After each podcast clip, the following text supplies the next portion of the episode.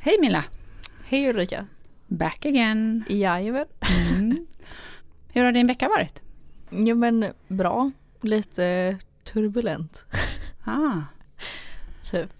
Eller alltså det har inte hänt mig någonting. Men Nej. jag tänker, vi pratade ju lite här innan vi eh, tryckte på rec så att säga. innan vi gick in i poddstudion. Ah. Ja. Vi båda, eller jag bor ju inte i Göteborg längre men jag tycker att jag gör det. Nej men min mamma bor i alla fall här och jag har ju bott här eh, fram tills nu typ. Mm. I alla fall. Så hon bodde ju ganska nära, eller hon bor ju liksom i Linnéstan, det området. Och eh, nu i veckan så har det ju skett explosion i Göteborg. Mm. Eh, I Annedal då. Mm. Som är ju typ Linnéstan liksom. Mm. Och när detta i- sen så är det några, några veckor sedan. För det här kommer kanske Ja. vi släppa ut lite senare. Men eh, ja, Ja precis. precis. Eh, och det var ju typ bara några gator bort, alltså det var ju kanske två kvarter bort typ från där min mamma bor. Och så såg jag liksom det på morgonen så här, det hade ju börjat klockan fem och jag såg det kanske vid sju. Jag bara "Åh, nej, så här, jag, först blev jag så här, tänk om hon, om det har hänt mamma någonting, har hon dött eller liksom så här allting. Ehm, men och sen så ja, var det ju då att det var i de här tre husen stod det ju, det hade ändå hunnit komma ganska mycket information om det. Mm. Och det kändes ju som räddningstjänsten var väldigt snabba och jobbade fort med det. Mm. Eh, men jag var ändå såhär, åh, så här, men okej hon har inte dött liksom för att För först blev jag såhär, men hon borde ha sagt om det har hänt någonting. Men sen blev jag såhär, men hon har dött. Jag bara, nej men det har hon inte. Så om hon har dött så kan hon inte säga om det har hänt något. nej. nej men alltså man får ju alla de här tankarna liksom. Såklart. Och sen bara nej, men så, här, men så kommer ju allting väldigt fort. Jag bara, hon dött? Jag bara, nej, tänk om det hänt? Jag bara, hon har dött? Bara, nej. Eller så här, hon hade sagt om det här, men har hon dött? Nej det har hon inte. Och sen så bara, för det var ju de tre husen och det hade inte spritt sig och vi bor ju som sagt ändå två kvarter bort. Mm. Så det var inte där, jag bara ah, okej. Jag bara, ah, fast hon borde ha sagt om det hänt. Men jag frågade ändå och så här. Hon bara nej, jag tyckte det var lite störigt när jag skulle åka till jobbet. och massa bilar i vägen eller så. Avspärrat och lite så kanske. Ja, precis. För typ så, men hon hade ju inte känt röken eller någonting. Så hon fattade ju inte först riktigt vad det var. Utan det var ju sen när hon hade sett nyheterna typ. Mm. Eh, men och det var ju eh, på en tisdag det här hände. Mm. Och sen på torsdagen då var det ytterligare lite närmare mig då. Det som var min eh, hemvårdscentral förut då. Mm.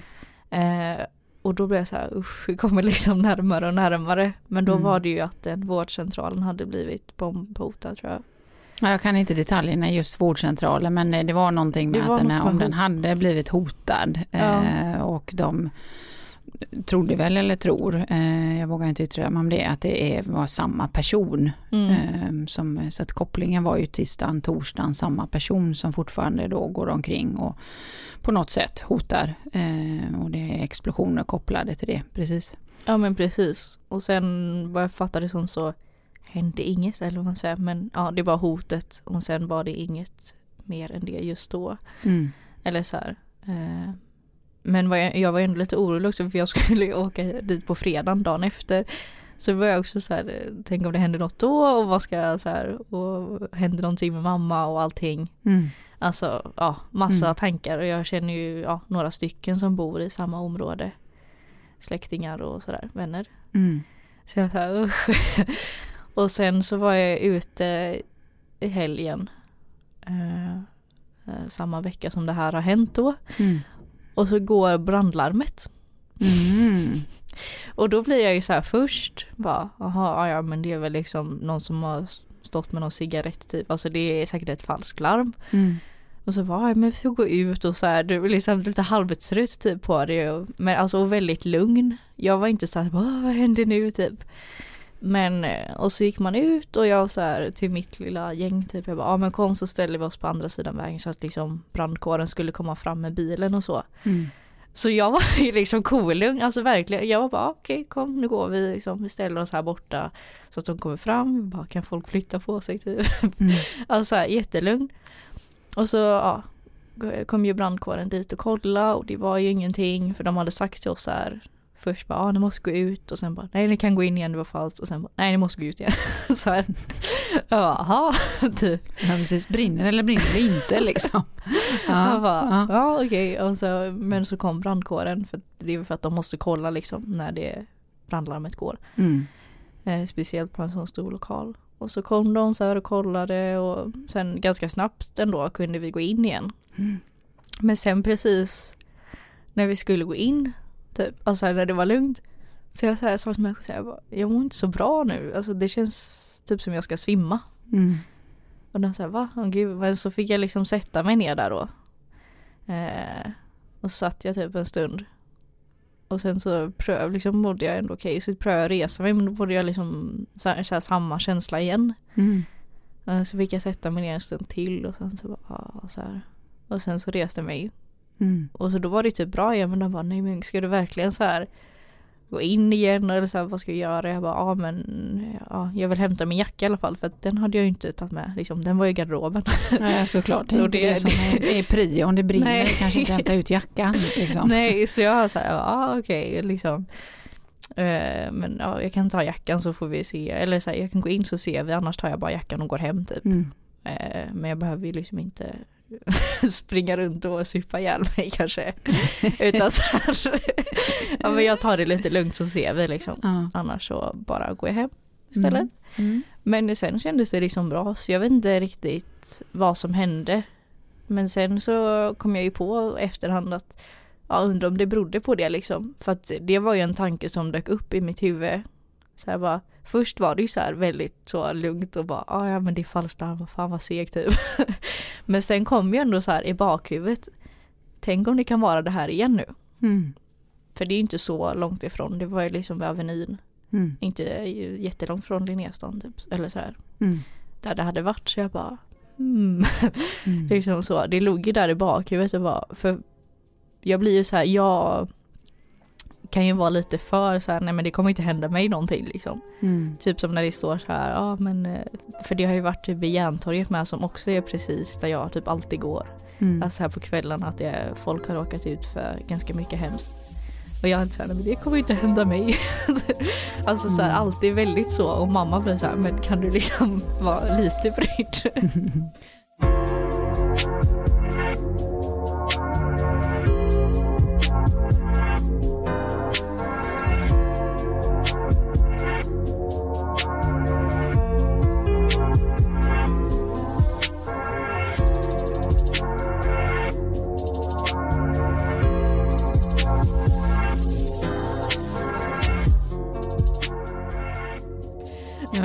Konsten med att, att förstå brukar jag säga att ehm, alla är inte snälla även om vi önskar det och jag eh, eh, alltid tänker att jag utgår ifrån att folk är snälla innan till motsatsen är bevisad. Mm. Ehm, Men det är skillnad på att vara naiv i det och är Mm. som eh, inte tänka att vara så jag brukar alltid säga att ja, men jag vet att saker kan hända. Jag tänker eh, positivt om människor och tänker att de har en god intention med det de gör.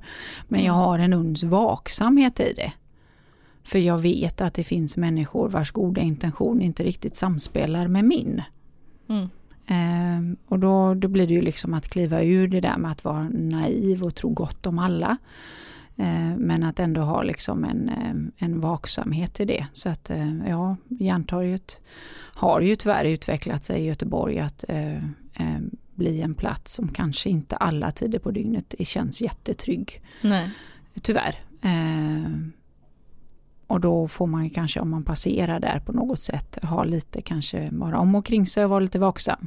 Mm. Och försöka ha en, en, en profil när man passerar så att man eh, får passera bara Mm. lugnt och tryggt igenom det. Men man behöver ju kanske ibland ha lite ögon i nacken eller vara lite sådär att oh, det är just de, den grupperingen kanske jag inte ska passera precis sådär jättenära eller ja, vad det nu Mm. är som är där. Så att absolut, eh, jag kan ju hålla med. Ja, Eh. för det blir det jag liksom får mig en sån här tankeställare men att jag nästan kanske är naiv eller så här att jag är så himla så här bara, "Ja, men jag kan väl gå här typ. Eller liksom, Mm. Men sen samtidigt så är jag ju inte så att okej om det finns typ på Linnégatan då, då kan man gå på två sidor av vägen. Mm. Om jag då ser att det står ett eh, gäng typ och typ tjafsar eller bråkar så här, då kanske inte jag väljer att gå på den sidan. Då kanske jag går över övergångsstället och tar den andra sidan. Nej men precis och det är Bara det jag menar. liksom, Ja. Behöver ju inte utsätta mig för det om jag inte måste. Nej, man behöver inte utmana det och man kan ju lyfta blicken lite och titta runt omkring sig. Vad händer? Och så utifrån det så kan man ju då eh, välja en strategi som eh, är mer kanske gynnsam för mig eller med en vaksamhet. Mm. För det är ju så tyvärr i, i vår värld, vårt samhälle, att eh, vi behöver det. Mm. Men jag ehm, tycker scenariot där, alltså för den händelsen som vi har haft i Göteborg är ju en eh, fruktansvärd händelse. Eh, och i många fall så kan jag ju tänka att vi tänker när saker sånt sker, ja men det är oftast i andra länder eller på andra platser så att vi kan inte riktigt koppla in det, vi kan förstå men vi kopplar inte in det riktigt i vårt system. Men helt Mm. plötsligt som för både dig och mig så händer ju det här bara några kvarter bort från där vi bor eller där nära och kära bor. Mm. Ehm, då får det ju så en helt annan kraft i vårt system, även om vi kan förstå andra människor som lever i ja, krigshärjade eller bombhotade eller andra historier vi har haft här genom åren med eh, terrorister och annat. Men vi kan ju aldrig 100% sätta in oss i det på samma sätt som när det händer runt husknuten. Mm. Och det är att jag tror, min, min eh, personliga idé är att det är svårt att inte ta in den på något sätt och att den skapar någonting i vårt system. Eh, känslor, rädslor, eh, ett wake-up call på vad, vad händer och, och så blir det ju massa känslor i det. Och oavsett om de tar sig ett stort uttryck eller inte så sätter de ju sig lite i, i Mm. någon form av minnesbild tänker jag i, i våran hjärna. Mm. Eh, och det är ju liksom ett litet hot för oss, tolkningen såklart från hjärnan. Eh, även om inte du var på plats nu så var det ju ett hot för det var nära och kära. Mm. Eh, och det är samma stad. Och de sitter ju där, hjärnan har ju väldigt mycket fokus eller fem gånger högre faktor eh, av sin kraft på hot och hinder. Så att det vore ju väldigt ologiskt om den inte satte sig på något sätt, tänker jag. Och att då sen vara på eh, då krogen några dagar senare efter att också då haft vårdcentralen som har liksom lite spett på den eh, känslan i systemet. Så det är klart, tänker jag, för det här kan ju vara olika saker, men vi kan ju leka med två scenarion tänker jag utifrån hur du kände.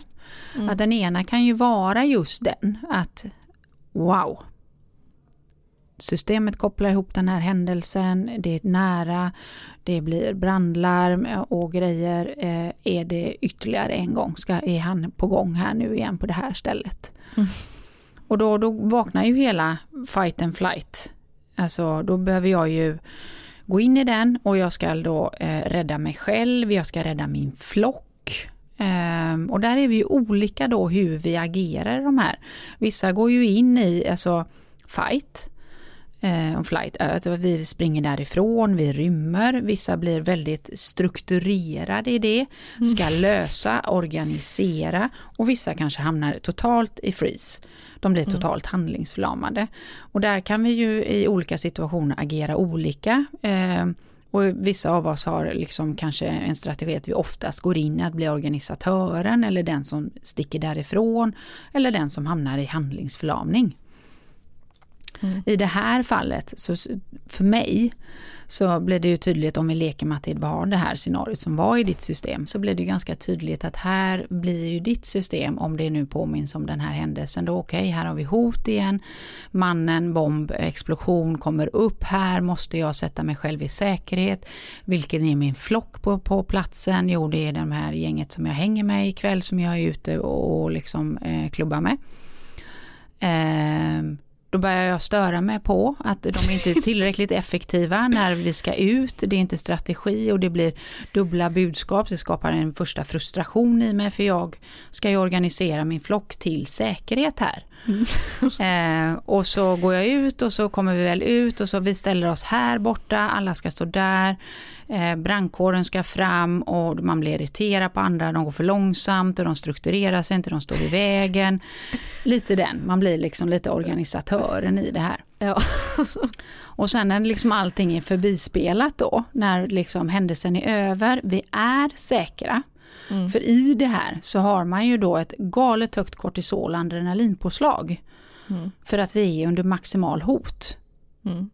Och du är ju också i den liksom beredskapen, skulle det då, helt omedvetet om vi leker med den tanken, Mm. är här, att det kan ju vara han.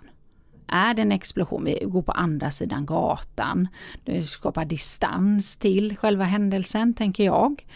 Ehm, för att om det skulle vara det så ska vi sticka därifrån. Och sen när Mm. allting är över då, när du har varit sådär maximalt påslagen i ditt hotsystem, Mm. om vi går tillbaka då till savannen igen och tittar på djuren. Då är det max påslag när vi jagar för att hitta vårt byte eller när vi blir hotade. Och sen går vi liksom ner och lägger oss på en trygg plats någonstans. Vi behöver vila, behöver återhämta systemet. Mm. Och då kan ju effekten efteråt bli den här som du upplever då att alltså, vi ska gå ner i vila och jag märker att blodsockret räcker inte. Jag känner mig kanske svimfärdig. Jag, jag behöver liksom hämta hem mig själv för jag har varit ett, ett enormt påslag. Och Mm. beroende på hur våra reserver ser ut då när vi får det påslaget så får ju liksom eftereffekten också lite olika uttryck. Mm. För har jag då liksom en period då bakom mig där jag har liksom haft mycket, kanske varit i stress, kanske varit mycket i påslaget, så är energiskålen heller inte så påfylld. Mm. Och då kan ju effekten där bli eh, mer eller mindre påtaglig. Mm. Så om man leker med det ena scenariot så är det det som kanske händer där. För att vi, det är det där vi kallar för trauman. Och trauman tänker ju många att det ska vara liksom något väldigt stort personligt men det behöver det ju inte vara. Det är ju någon form av händelse där jag har starka känslor kopplat till som sparas i systemet. Så när någonting som liknar det kommer tillbaka så slår ju hjärnan på, wow, här är det, här är det igen och så upplever vi liksom de starka känslorna som om det vore nu igen. Det är så man säger med gamla krigsveteraner. De, de är ju i de här traumatiska situationerna som om det vore nu. Mm. Och det kan ju vara det som händer där. där. Sen kan det ju också vara bara enkelt att inte ha alls med den kopplingen att göra. Mm. Det kan ju bara vara att jag har liksom eh, ätit dåligt under dagen, vi står upp länge, mitt blodsocker går ner. Eh, och då kan vi också uppleva svimningskänsla och illamående. Mm. Eh, eller att jag liksom har haft mycket stress eh, liksom en period och så har jag ätit dåligt och så krökar jag. Då kan jag också få de här effekterna. Liksom. Smart. Så att, eh, det, det, det kan ju vara olika i den. Men eh, jag tyckte att den blev så intressant utifrån att jag högst troligen eftersom det andra påverkade så. Mm. Eh, så skulle jag ju göra en grov gissning med att det är det första scenariot. Ja men det tror jag också i och med att det liksom gick över så fort med. Mm. För att så här, jag kände ju också så jag bara, "Ah, men om jag inte, för jag kände, nu, men nu mår jag liksom bra igen. Och det är inte så här, jag känner mig fortfarande lite halvdant för då hade jag gått hem. Mm. Liksom. Eh, men jag bara, nej men jag mår ju liksom lika bra som jag gjorde innan igen. Mm. Och liksom, Okej vi testar. Sen såklart att jag liksom ja, kände av lite så här först. För Mm. att ja, jag vill inte svimma där inne direkt. Eller att det ska hända något. Utan jag var så här, ah, okej vi får se. Eh, och sen drack jag ju liksom ingenting efter det för att jag kände det bara onödigt. Eller Mm. så här. Att påfresta systemet mer. Ja, Mm. ehm, utan jag var där och hängde och det liksom gick ju bra. Mm. Så ja. Ja, men jag tycker alltså just att det, det blev blev en sån, eh, ett bra exempel för att ta eh, liksom upp ett fenomen.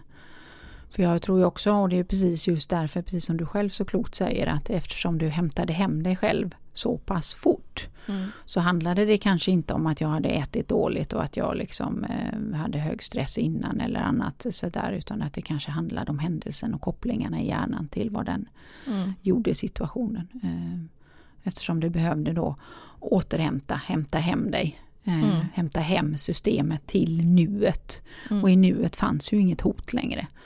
Eh, och då kan jag liksom eh, fortsätta sen och gå in och ha kul. Liksom.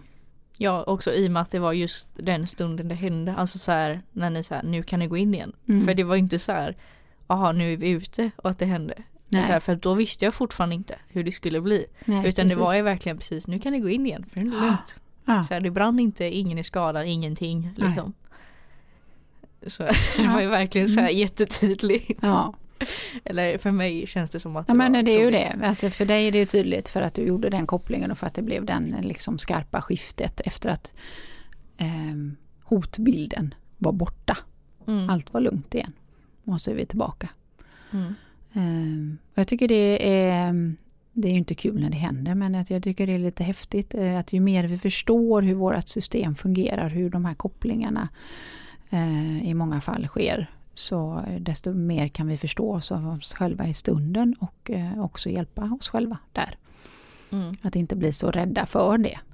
Och också så fascinerande också att höra hur olika vi blir alltid när det Mm. blir hot. Eh, Kom, nu går vi. Jo men alltså, du, att ibland, eh, jag har ju några situationer i livet där jag hamnat i liksom freeze. Ja, där det inte, också.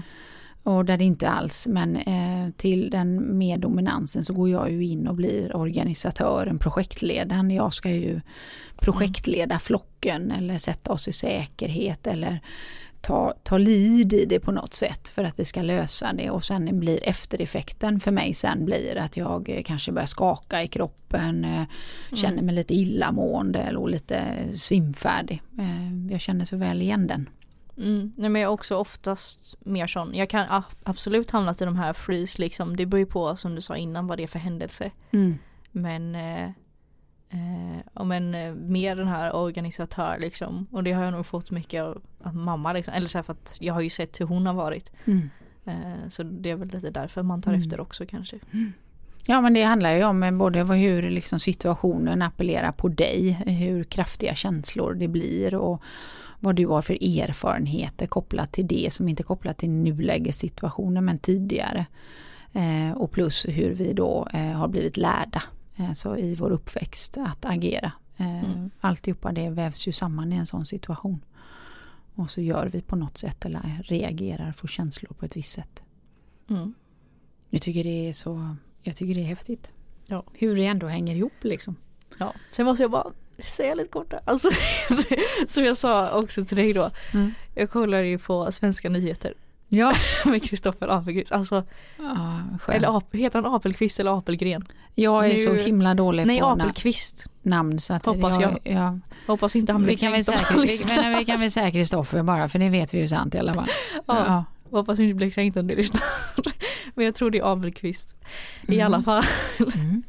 Nej, han tog ju upp det här med Göteborg. Och jag tycker alltså han gör sitt program så bra för att han är så här, han visar ju ändå, jag bryr mig om er liksom och det som har hänt i Mm. Göteborg.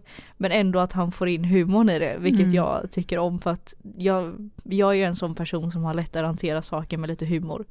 Precis. Och då är det så skönt när han kommer och bara Ja ah, det stod att ingen är gripen än för det här. Han bara Men vad menar de med det? Jag tycker allting som har skrivit är jättegripande. liksom. Och sen han bara Skön humor. Eh, Och sen var det något annat så här, va, ah, man, vissa kallas ju för massmördare men han kallas för morsmördare typ. Eller jag vet inte, han skulle försöka dra till Morsmördare. morsmördare. Ja. Är det, där Göteborg, är det, är det Göteborgshumor eller? Ja, han skulle försöka dra in det här. och så var det liksom massa sådana olika Göteborgsskämt Mm. under programmet. Nej, jag tycker också han är underbar och det funkar ju olika för oss men jag älskar ju när man ändå i allvaret försöker hitta humorn. eh, Mm. För, för det är otroligt hjälpande så jag kan ju också jag kan ju flabba ihjäl mig åt honom. Eh, och hur han får det. Men det kanske är bara för att både du och jag är göteborgare som, som vi ser den humorn men det är inte alla som har den kanske. Nej, han, jag tyckte han gjorde det väldigt bra. Ja, jag tycker han är underbar. Han är väldigt rolig. Ja. Det. Att, Ja. att göra liksom allvarliga nyheter och det är ju inte för att ta bort allvaret i det. Nej. Men att ändå det kan vara en hjälpande kraft till att ändå hitta lite humor i det. Mm. Och jag tycker han är så snillrik i hur han hittar dem liksom. Jag, Ja. det, jag tycker han är häftig. Han är underbar. Ja. Kolla på svenska nyheter. Så kolla på Svenska nyheter med Kristoffer A säger vi då. Apelqvist. Är det Apelqvist? Ja, men jag är 99 procent.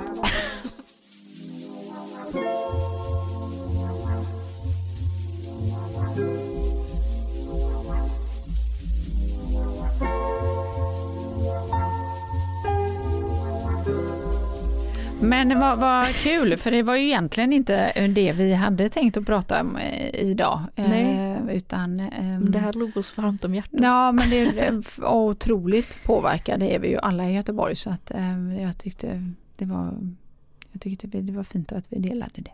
Mm. Mm. Så, men du hade en annan idé om ett ämne som eh, du kickade igång på av olika anledningar och vad jag minns rätt så var det egentligen utifrån eh, din utbildning till socionom. så eh, berätta. Mm. Men det är lite det här med men, anknytningsteori egentligen. Mm. Eh, jag hoppas inte att folk kommer bli ledsna nu för att det är massa knäppa begrepp här.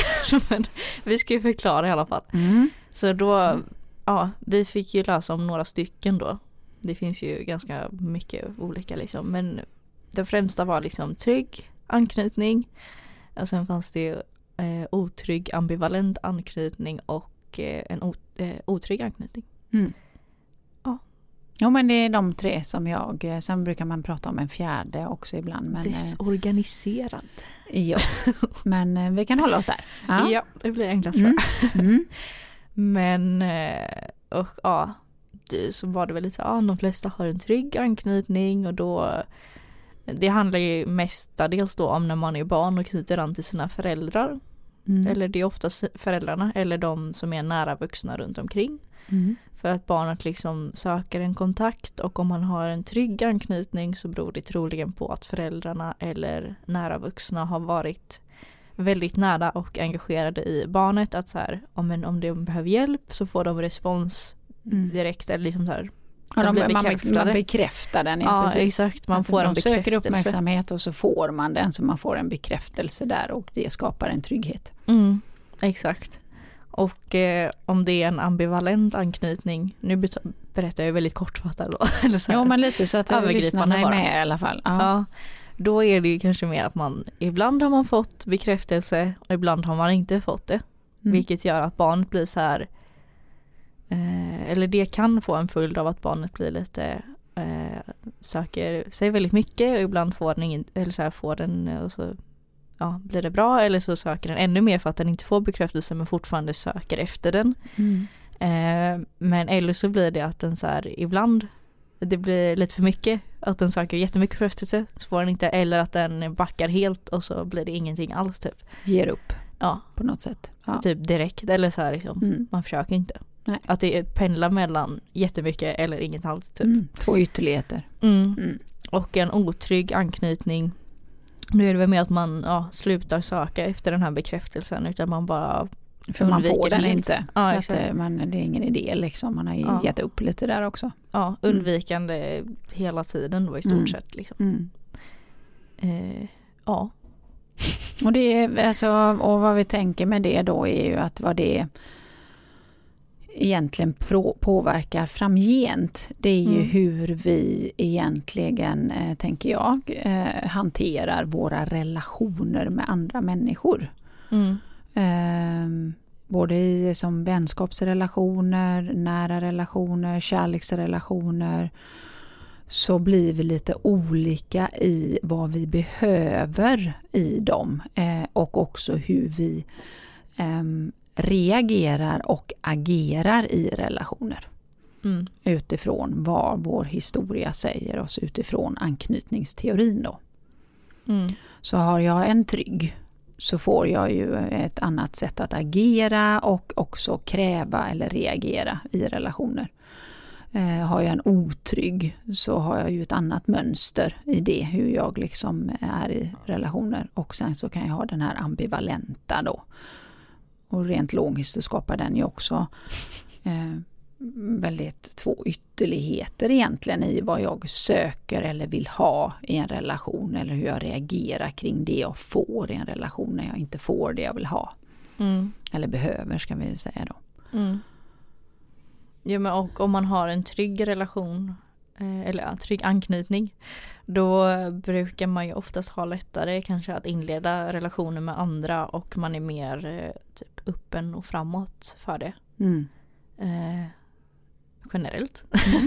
Ska Ja, men allting, blir ju, nej, men allting blir ju grova generaliseringar för det kan ju vara en mix och det kan ju vara, det är ju jättekomplext men om vi, vi försöker göra det enkelt tänker jag. Mm.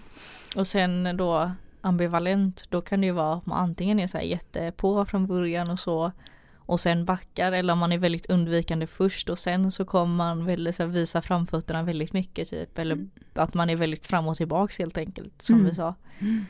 Alltså här, och ja, ibland kan det ju vara att man söker sig väldigt mycket till folk och ibland kanske man är mer undvikande och har lite svårare generellt att eh, inleda relationer. Mm, att knyta an till Ja, någonting. Liksom. exakt. Mm. Och är man ehm, väldigt otrygg i sin anknytning så kan man också då behöva väldigt mycket bekräftelse.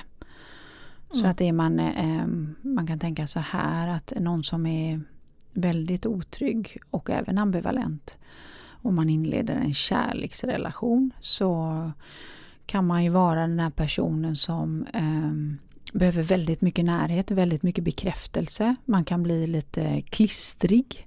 Man behöver Mm. väldigt mycket fysisk närvaro, bekräftelse. Man behöver också väldigt mycket bekräftelse på att eh, du verkligen älskar mig. Eh, och man väldigt noga behöver den på ett visst sätt kanske för att bekräfta det. Ehm, och det är ju inte alltid man kan få det och då skapar det väldigt snabbt en, en oro i att du älskar inte mig eller mm, den andra personen kanske kan tycka att eh, men gud vad hon är eller han är eh, needy. Alltså vi ska hela tiden umgås, vi ska hela tiden vara och vi ska sitta klossan. Mm. Eh, vill alltid hålla liksom en hand på mig eller vara väldigt fysiskt närvarande. Mm. Och beroende på hur möts i det då och förståelsen kring det så kan man ju liksom Ja men är vi båda där så kan vi ju bli väldigt fastklistrade vid varandra. Mm. I, eh, både fysiskt och att vi ska höras flera gånger om dagen och berätta vad man är och bekräfta varje dag att jag älskar dig. Och är vi samma i det så, så ja, då, då kan det ju funka.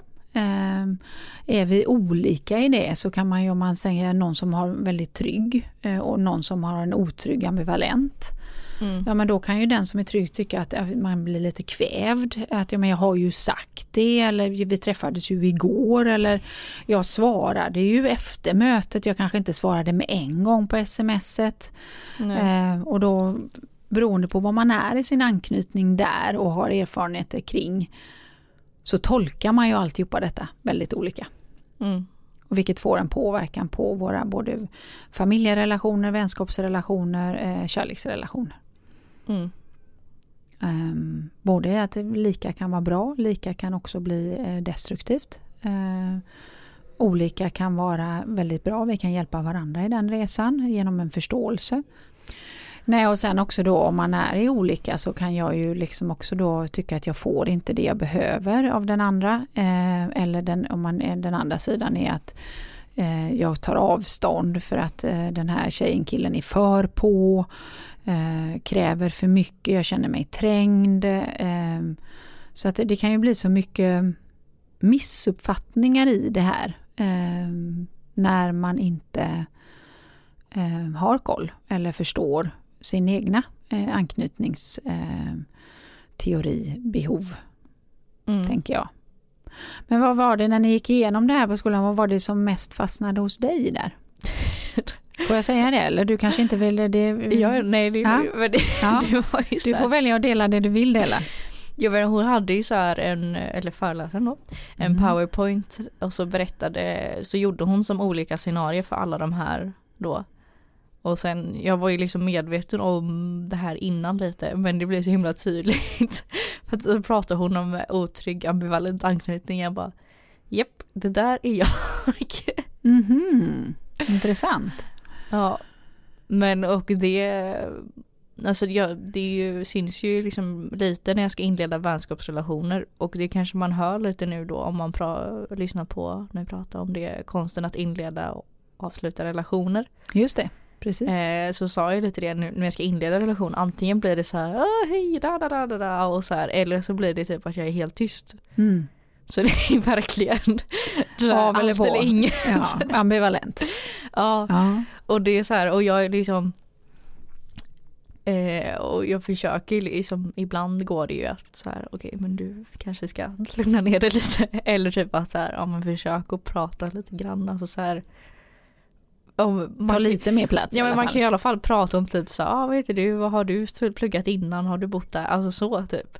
Precis. Liksom, det finns ju alltid lite små tjafs höll jag att säga. lite. Nej men ytligt mingel bara, enkla Ja, exakt. eh, Kallprat, lite- frågor eller så. ja, lära känna varandra saker typ. Mm. Man kan prata om. Mm. Så jag blev liksom så här va? Så det har ju blivit bättre men det är fortfarande lite, lite oklart. Mm. Och jag vet inte, alltså sen tror jag dock, eller det kanske inte alls är så, men jag tror att det är så att jag upplever och tänker mer på det än vad folk som jag möter gör. Mm. Eh, och sen är det ju ganska stor fördel då med att läsa socionom för att de jag lär känna där, de kan ju ha en mer förståelse för det. Ja, du är ju i en kontext där, där alla är liksom lite intresserade av ämnet och också förstår att vi är olika av olika eh, anledningar, orsaker, eh, Mm. barndom och erfarenheter och att man är kanske mer nyfiken på att förstå istället för att döma. Mm. Sen är det kanske inte så att jag går fram till någon och bara Bara så ni vet så har jag en otrygg ambivalent anknytning. Utan- Nej. Utan jag, jag kanske mer kan vara så här, äh, inte första gången heller, men jag, så här, jag försöker prata lite sen bara, ah, nu, jag tycker jag har lite svårt att lära känna folk eller så här, det tar Mm. en tid, eller så här, det tar lite tid för mig bara så ni vet typ.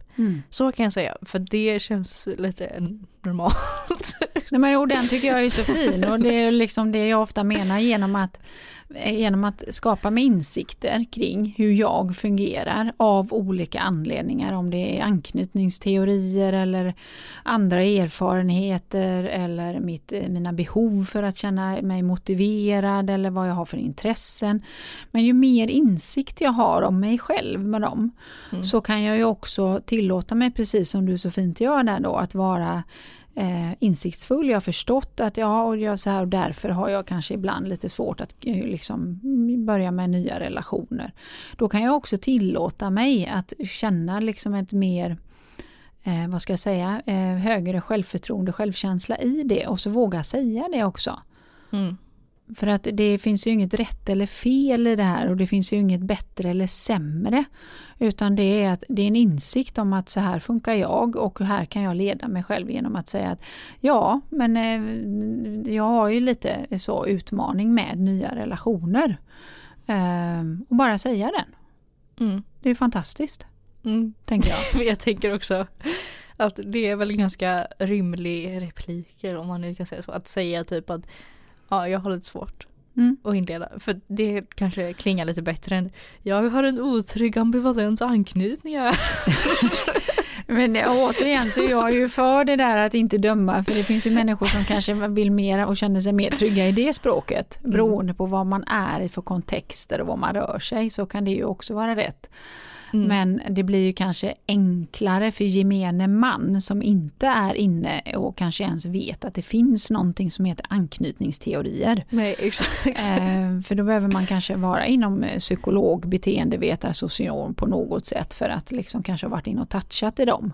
Mm. Men att bara liksom förstå att det här är utmanande för mig av olika anledningar. Och så precis som du väldigt enkelt bara. Jo men eh, jag har lite eh, mer utmaning med det här eller jag tycker att det är lite jobbigt att knyta an nya relationer. Liksom. Så Mm. att eh, det handlar inte om att jag är, är, är svår eller att jag har attityd eller att jag är nonchalant eller utan det här är en utmaning för mig men jag tränar på den. Mm. Ja, sen till vissa då som du sa, det beror ju på vilken kontext. Eh, men jag tänker som du sa, för gemene man är det bättre att säga liksom, ja lite svårare så här. Men sen alltså på riktigt har jag ju sagt till några av mina socionom eh, så här, kompisar som jag ändå känner typ, man har kommit, ja jag tror de kan ta det typ. Mm. Att säga bara, ja men jag har otrygg ambivalent anknytning. Ja. Och de bara, Ja. jaha, Ja. typ. Nej, men jag kan tänka mig att det blir ju samma liksom att eh, i situationer där vi ändå är inom det fokuset, alla har det intresset eh, och som jag sa innan man är lite nyfiken på det och man kan också med ett leende och liksom lite med distans lägga in Mm. liksom lite humorn i det också. Ja, ja men det vi pluggade förra veckan så har jag landat i det här så att eh, ja, jag har ju den där ambivalenta otrygga varianten då så att eh, det är därför det blir som det blir ibland. Ja. Och då är återigen det där som jag älskar, att när man kan koppla in humorn i det istället. Mm. Och så får man en förståelse förståelse från omgivningen och det blir också det, effekten av det blir ju också att jag stärker mig lite i min självkänsla, självförtroende, att eh, förstå mig själv och också sätta ord på det och så får jag liksom en annan trygghet i det tror jag. Ja, men det var ju typ så jag sa med. Jag bara, ah, så nu förstår ni varför jag är singel då. och de bara, ah. Ja, precis. Ja. Eh, det, det var lite det jag tänkte komma till också att så här, som sagt i vänskapsrelationer har jag ändå börjat klarna upp. Men eh, det går ju inte så bra att inleda kärleksrelationer. Dels så kanske det säkert vara så att ja, jag har inte träffat den rätta liksom inom situationstecken. Mm. Men eh, det kan ju spela in med att jag är väldigt så här. Eh, ja, det blir allt, antingen allt eller inget men ofta så blir det typ inget. för att jag är så rädd. Mm. Så jag blir så här, mhm, jaha, och vad är det här för person då? Det är mer att jag är så här undvikande då. Mm. Eh, och det tror jag jag har nämnt för många avsnitt sen. Typ första gången som jag liksom blev intresserad, eh, kanske kär, jag vet inte. Mm. Fortfarande oklart. Men och då var ju den killen som jag träffade och han bara Alltså han sa ju såhär bara men du, du Jag vet inte om det här, jag tror att det här kommer funka typ. Mm. För att du, ja Han kände väl liksom att Jag släppte inte in honom. Mm. Så här, jag var väldigt så Mm. Alltså så här, jag var väl säkert trevlig och så här, men han kände väl säkert att jag tog avstånd så. Mm. Eh, sen hade, träffades vi inte jättelänge eller så här, och det hade inte gått så lång tid men han, om någon liksom är en betongvägg så kanske det inte känns jättelovande. Men eh, sen sa jag också så här, jag bara, ah, jo men det är lite svårare för mig. Bara så här. Så att jag, han bara, ah, okej så här. Men och sen i och med att han dissar mig, då kommer vi till den här andra sidan. Mm. För då blir jag ju så här eh, hjärnspöken i mitt huvud. Alltså det här var fyra år sedan så jag har utvecklats lite men ändå. Ja men det är ändå intressant. Ja, men då kom det ju så här, jag bara, åh nej, åh det var säkert, alltså, för han sa ju liksom, ja nej det känns inte rätt tidpunkt typ. Så här, för att det var mycket annat i hans liv typ. Men min hjärna bara, nej men det var säkert för att han tyckte att jag så här var för undvikande och så här att det inte gick bra. Så då kommer ju den andra sidan, tjoff! Hur mår du? Hur är det? Mm. Hela jävla tiden. Nu då kommer artilleriet in liksom. Ja, då kommer liksom den här motpolen istället. Alltså Mm. jag hade ju inte orkat med mig själv så här. Men Åh jäklar vad nidig hon blev helt plötsligt liksom. ja, liksom från noll till hundra på Ja. det. Alltså, ja, jag bara, men vad fan. Jag bara okej, nej jag måste visa liksom att jag bryr mig och det var därför och så här. Mm. Så kom det liksom direkt det andra istället. Men eh, och sen efter det så har det nog varit mer att jag har varit undvikande för att så här eh, jag inte vill riskera att hamna i den situationen typ. Mm. För att det var såklart jobbigt liksom. Eller så här första gången man blir kär eller så. Så är det klart att det är jobbigt. Eh, och så då har det mest varit att jag var så här, mhm, jaha. Och återigen har det varit upprepat så här bara, "Ja, jag märkte inte ens att du var intresserad av mig förrän typ vi bestämde att vi inte skulle ses mer. Mm. Och jag bara, aha. Mm. jag bara, oj då.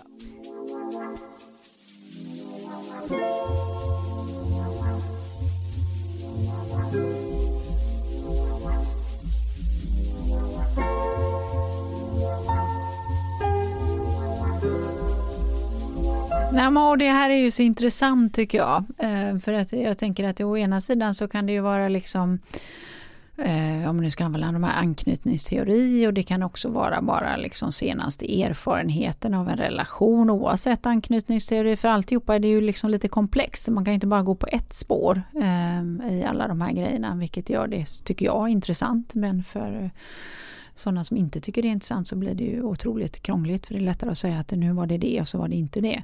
Mm. Eh, svartvit. Så vi, vår hjärna gillar ju kontroll. Men att det, alltså å ena sidan så är din ambivalens eh, och med facit i hand nu då så kan du ju liksom pussla vad som egentligen hände där för fyra år sedan. För med Mm. den kunskapen och erfarenheten du har idag. Ja. Eh, å andra sidan så blir det också det att erfarenheten av att då kanske börja liksom tycka om någon mer, gilla någon oavsett kär eller inte och eh, återigen då någon väljer att lämna. Mm. Det är ju två spår i den här tänker jag. Den, den kan också sätta sig. Att då blir jag ju ännu mer att jag eh, inte släpper in på grund av att jag har en rädsla för att bara bli lämnad för en erfarenhet av att ha blivit lämnad. Mm. Sen kan det ju också då koppla till en anknytningsteori och bli ytterligare bekräftat beroende på vilken sån man har, tänker jag då. Mm. Och sen också vilka behov jag har som jag ofta pratar om. Att jag liksom, har jag liksom behovet av att få mycket bekräftelse, vilket vi alla har en dos men vissa har mer. Så Mm. blir det också det här att jag har inte så mycket behov av det så kan jag släppa och gå vidare. Eh, Så det blir massa kombos i den tänker jag. Och sen så om man då tittar på den andra personen, för jag älskar ju att göra perspektivskiftet då. Så tänker man att om, om den då har en annan anknytningsteori, alltså den är ganska trygg med sig själv eller, eller att den också har en ambivalent. Ja men då blir den ju jätteosäker för den här betongmuren som den möter som inte släpper in. Men Hon, hon gillar inte mig, hon tycker inte om mig, alltså, jag får inget gensvar här. Då Mm. går man. Vilket blir en väldig missuppfattning i det. För att man inte kommunicerar, men vilket inte är lätt. För hur ska jag kunna börja kommunicera den utan att jag ska blotta mig 300% och börja prata, eh, ja andra dejten så börjar jag prata om behov och anknytningsteorier. Ja, det kan ju skrämma iväg vilken människa som helst tänker jag. vad är det här för förlor liksom? Vad, vad är som, vad, vilket, oj, och så kan det ju kännas övermäktigt bara det. Att, oh, nej, men det här djupet orkar jag inte med. Vi skulle ju bara träffas och ha lite kul och lära känna varandra. Ja. Så det är klart att det blir ju massa grejer som kommer in i en sån eh, eh, historia. Men bara genom att göra som du gör. Att jag landar i någonting, jag får en insikt, jag får en kunskap eh, och så börjar jag fokusera på, ja ah, okej, facitet bakåt där för fyra år sedan, det handlade nog om det här. Mm. Så bara för dig själv, för vi kan ju liksom inte påverka eller eh, förändra andra, så kan det ju ge dig insikter som blir mer konstruktiva framåt, där jag kan se mina egna signaler om varför jag gör som jag gör och snabbare och snabbare faktiskt leda mig i dem. Mm. Att de blir mer konstruktiva, vilket gör också att jag kan då träna upp. För även om jag liksom i min värld ska jag säga, även om jag har en anknytningsteori som säger det här så innebär det ju inte att den måste vara så hela livet i min Nej. värld. För jag kan ju med nya erfarenheter träna upp en trygghet i den Mm. genom att hjälpa mitt system att säga att det är skillnad på min historia och min nutid. Och det som ska vara framåt. Och det är ju lite det som är det jag jobbar med som, som coach och, och mental tränare och hela NLP. Att ja, vi kan ha respekt och omtanke med oss själva för vår historia men vi kan också börja träna och beroende på hur historien utmaningsmässigt ser ut så tar det kortare eller längre tid. Men i de allra, allra, allra flesta fall så kan vi träna om någonting till att bli ett annat facit för mig. Om inte annat så kan det vara så att det, i alla fall, det pockar på uppmärksamhet men jag lär mig att leda mig själv och höra de signalerna. Eh, Mm. Som man inom psykologin säger att ja men då kan jag ta lilla eh, Ulrika eller lilla Milla i handen och säga ja men jättefint att du påminner mig om det. Men det var ju faktiskt då, nu är det så här. Mm. Så kan jag ju liksom med, med den metaforen liksom leda mig själv framåt och så blir det liksom lite psykologsnack i det hela också kopplat till alla teorier och allting annat. Men det är ju Mm. egentligen det det handlar om och det är ju den insikten du gör Mm. som du tycker också att ja, för fyra år sedan gjorde jag så här men jag har faktiskt utvecklats en del och lärt mig en del på vägen. Och det är ju precis det det handlar om. Att, Ja, att, och därför är den så viktig att göra den. Reflektera. Vi kan säga så här, i teorin så har jag kommit långt, i praktiken har jag inte kommit lika långt. Nej. För det är så här, nu har det ju kommit till det här stadiet att antingen, för den här ambivalenta delen den märks liksom först när jag börjar få intresse för någon.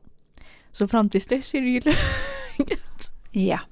Och då har det lett till att antingen jag eh, Ja okej, träffa någon mm, så här. Och sen när det här börjar komma då att jag blir intresserad Så bara Nej, nej det här ser inte bra längre och så, så sticker jag liksom Mm. Vi kan vara vänner Mm.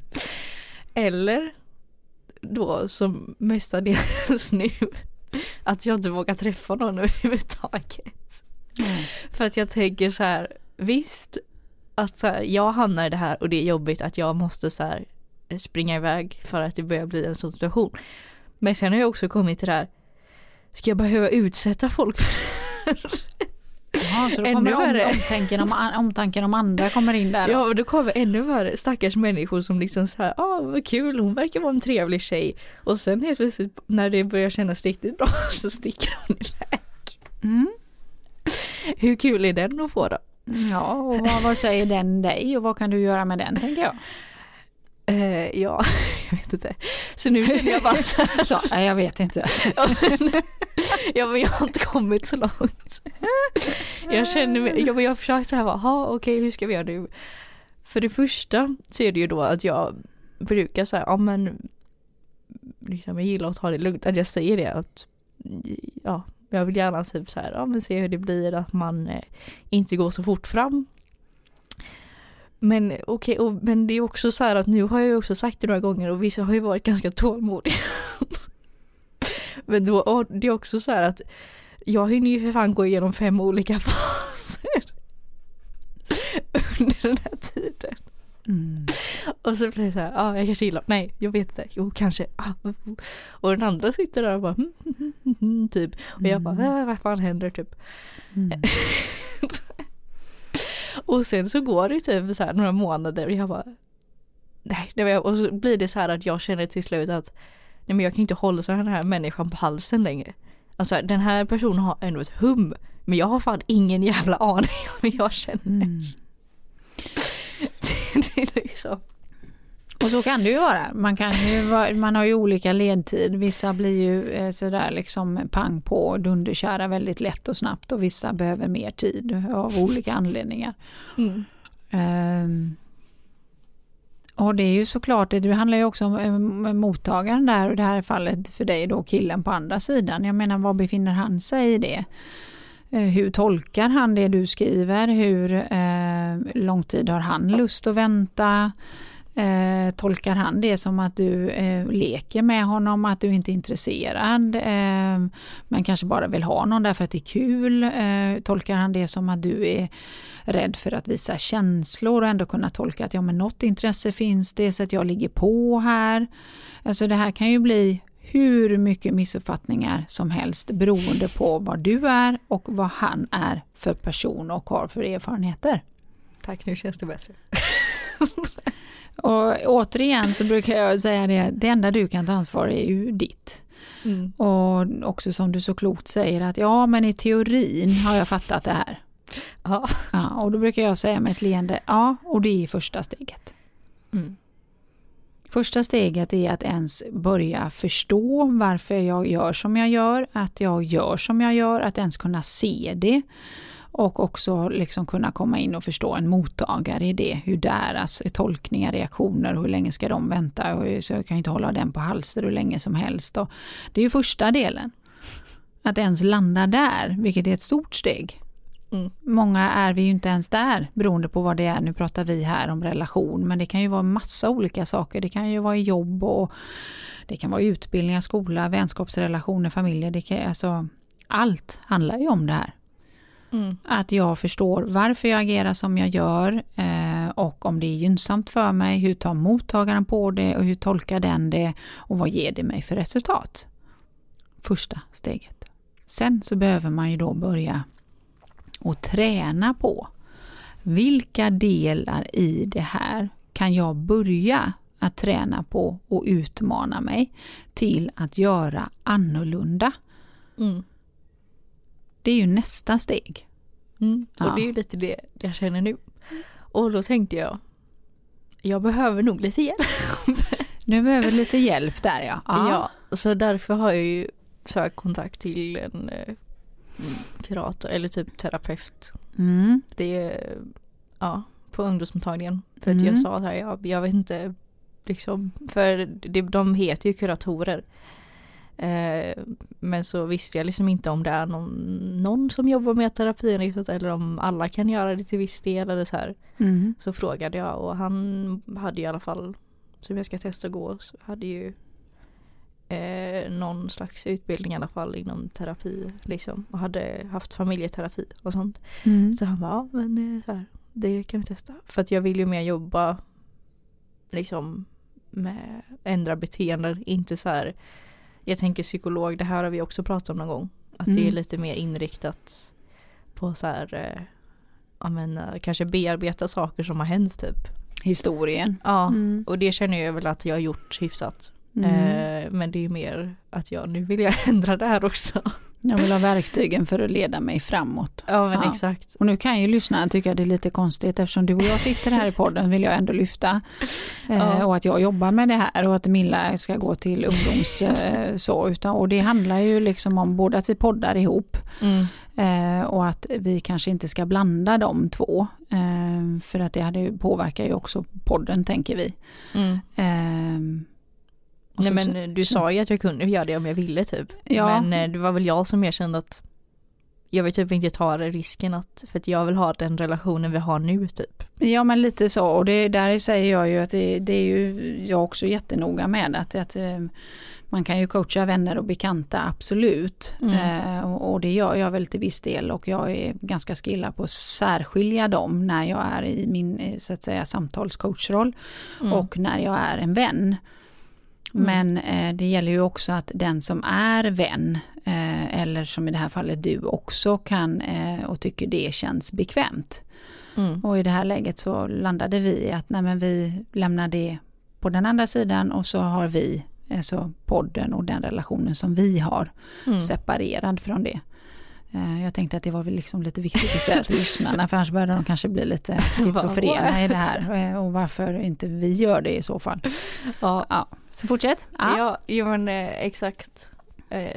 Och sen är det ju, bor jag i Örebro också så Mm. det underlättar ju lite. För jag gillar ju, eller båda vi gillar ju att ha fysiska möten mer. Mm. Så det var också en stor anledning. Nej men så jag ska börja idag när vi spelar in det här är det måndag. Mm. Och jag ska dit på tisdag första gången.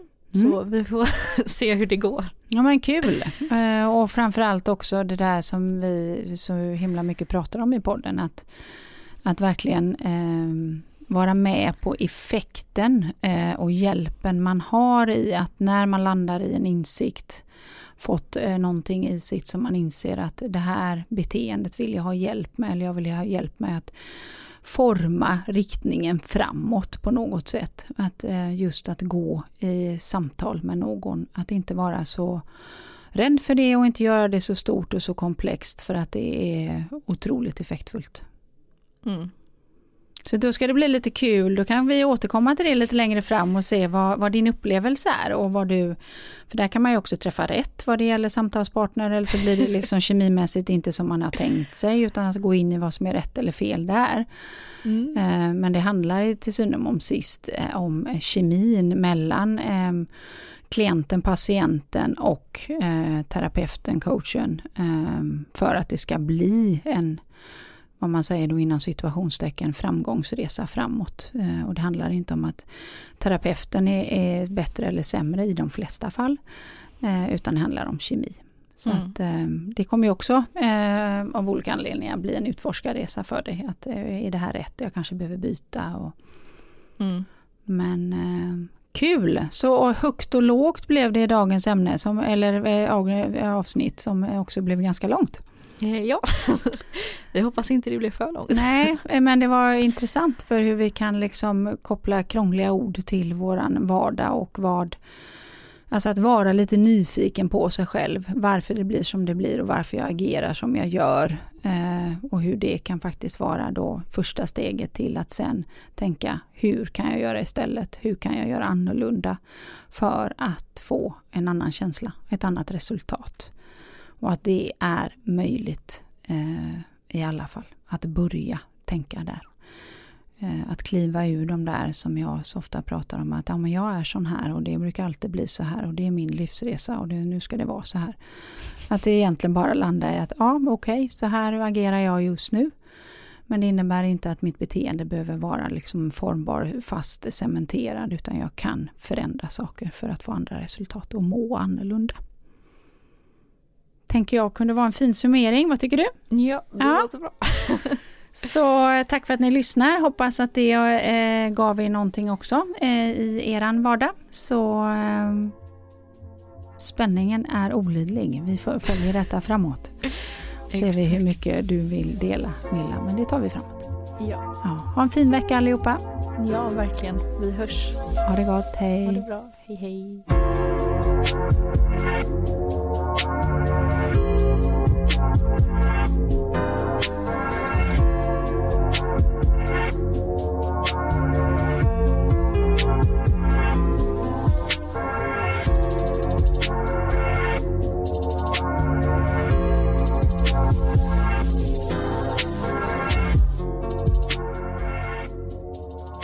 En poddproduktion av Fredag.